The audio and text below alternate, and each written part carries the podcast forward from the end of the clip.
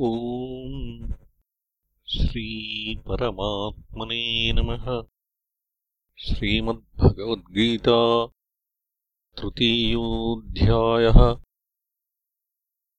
अर्जुन उवाच ज्यायसी चेत् कर्मणस्ते।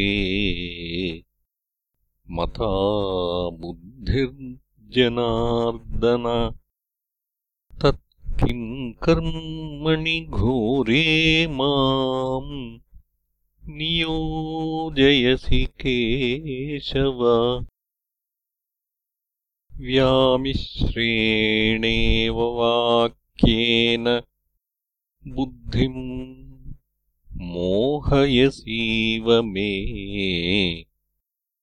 तदेकम् वद निश्चित्य येन श्रेयोऽहमाप्नुयाम्। श्रीभगवानुवाच। लोकेऽस्मिन् द्विविधा निष्ठा पुरा प्रोक्ता मया नघ।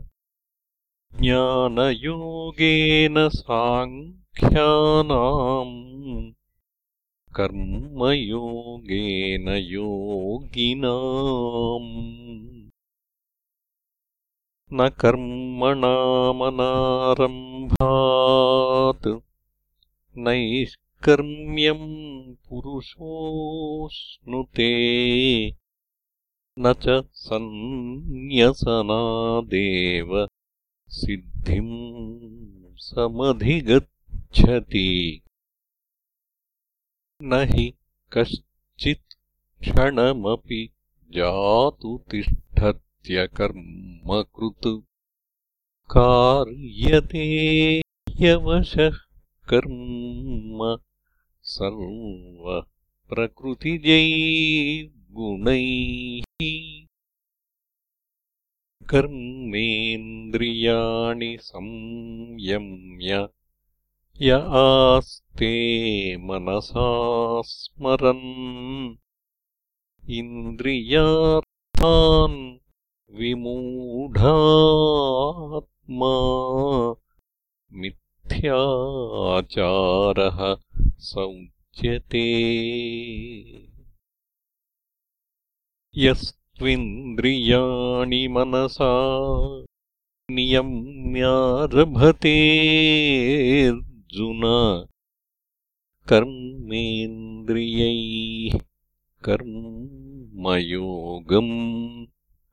असक्तः स विशिष्यते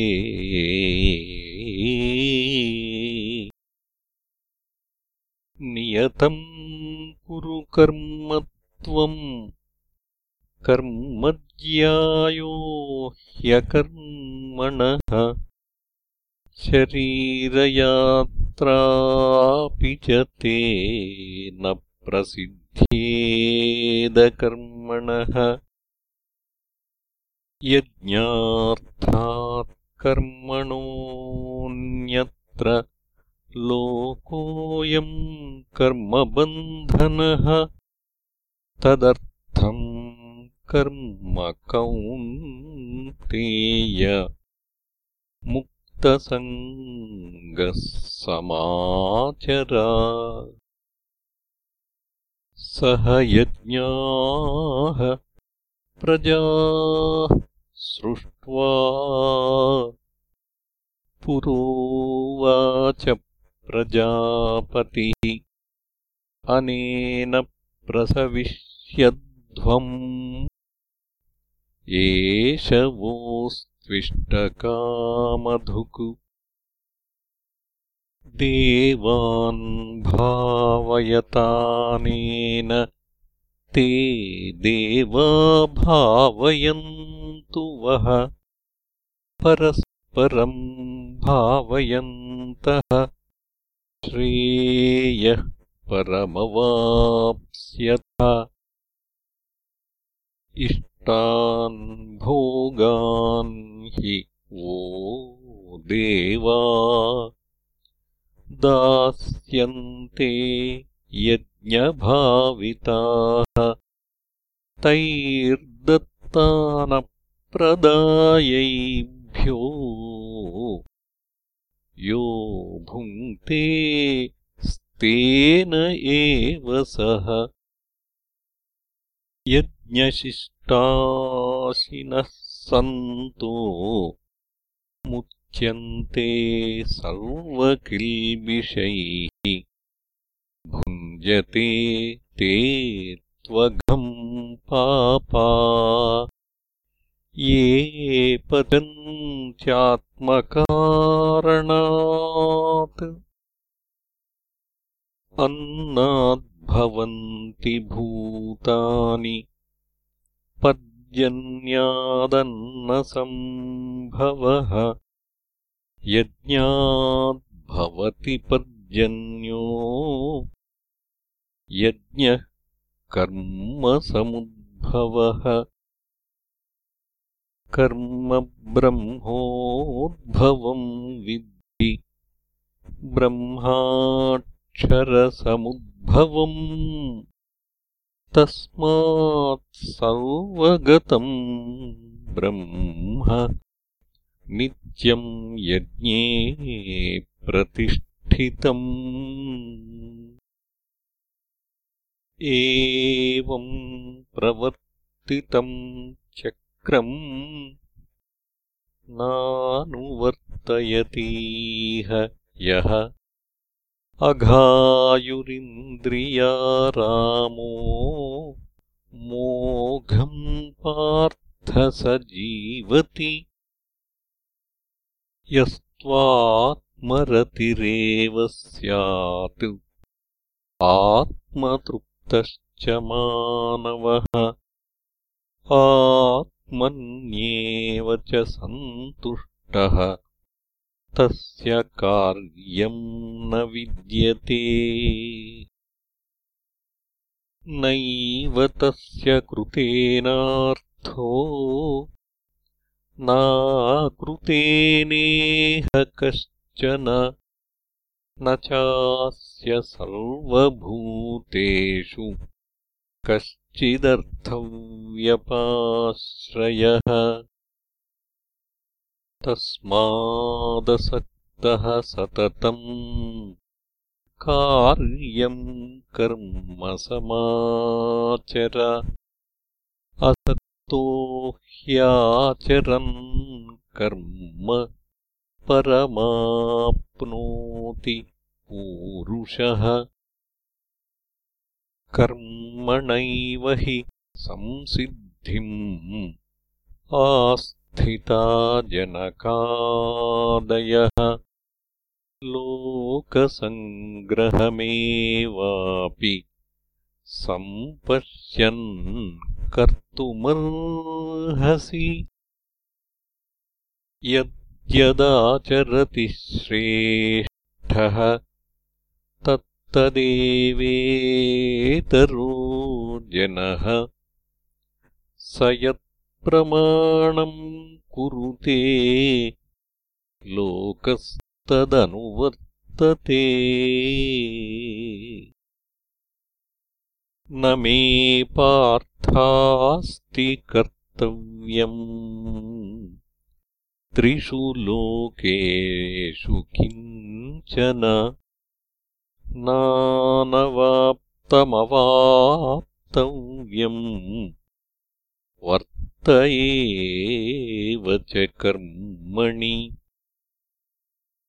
यदि ह्यहम् न वर्तेयम् जातु कर्मण्यतन्द्रितः मम वर्त्मानुवर्तन्ते। मनुष्याः पार्थसर्वशः उत्सीदेयुरिमे लोका न कुर्याम् कर्म चेदहम्।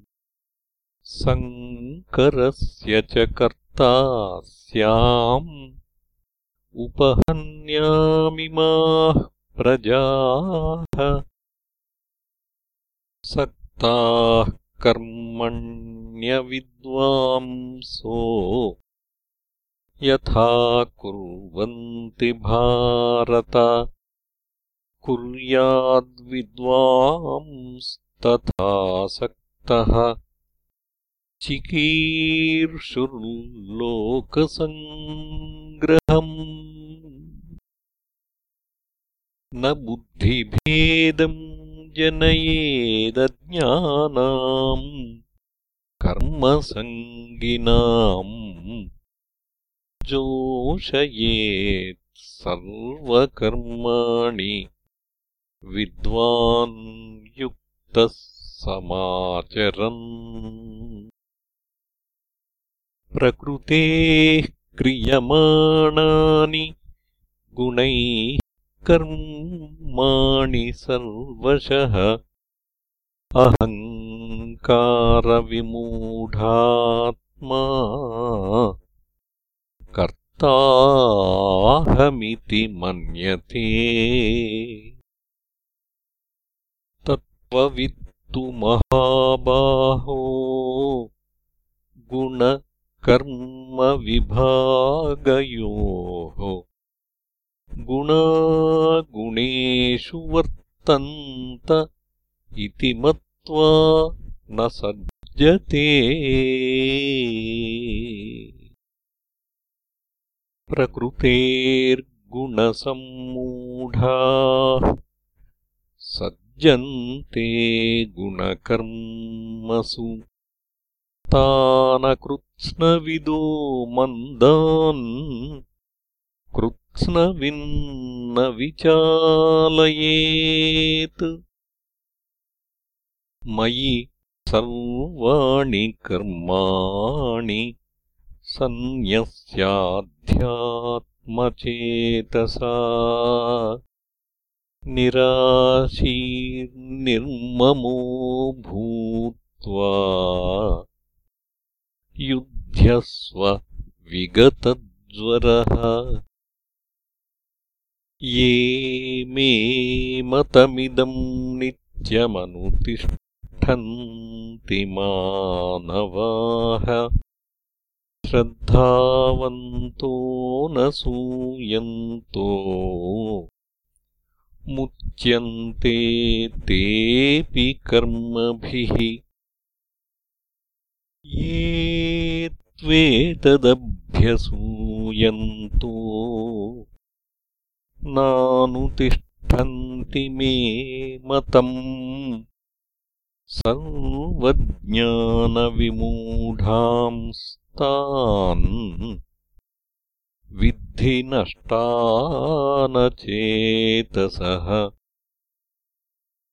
सदृशम् चेष्टते स्वस्याः प्रकृतेः ज्ञानवानपि प्रकृतिम् यान्ति भूतानि निग्रहः किम् करिष्यति? इन्द्रियस्येन्द्रियस्यार्थे रागद्वेषौ व्यवस्थितौ। तयोर्नवशमागच्छेत् तौ ह्यस्य परिपन्थिनौ श्रेयान् स्वधर्मो विगुणः परधर्मात् स्वनुष्ठितात्। स्वधर्मे निधनम् श्रेयः परधर्मो भयावहः अर्जुन उवाच अथ केन प्रयुक्तोऽयम् पापम् चरति पूरुषः। अनिच्छन्नपि वार्ष्णेय बलादिव नियोजितः। श्रीभगवान् उवाच काम एष क्रोध एष रजोगुणसमुद्भवः। महाशनो महापाप्मा विध्येनमिह वैरिणम्। धूमेनाव्रियते वह्निः यथादर्शो मलेन च यथोल्बेनावृतो गर्भः तथा तेनेदमावृतम् आवृतम् ज्ञानमेतेन ज्ञानिनो नित्यवैरिणा। कामरूपेण कौन्तेय दुष्पूरेणानलेन च इन्द्रियाणि मनो बुद्धिरस्याधिष्ठानमुच्यते एतैर्विमोहयत्येष ज्ञानमावृत्य देहिनम् तस्मात् त्वमिन्द्रियाण्यादौ नियम्य भरतर्षभ पाप्मानम् प्रजहिह्येनम् ज्ञानविज्ञाननाशनम् इन्द्रियाणि इन्द्रियेभ्यः परम् मनः मनसस्तु परा बुद्धिः यो बुद्धेः परतस्तु सः। एवम् बुद्धेः परम् बुद्ध्वा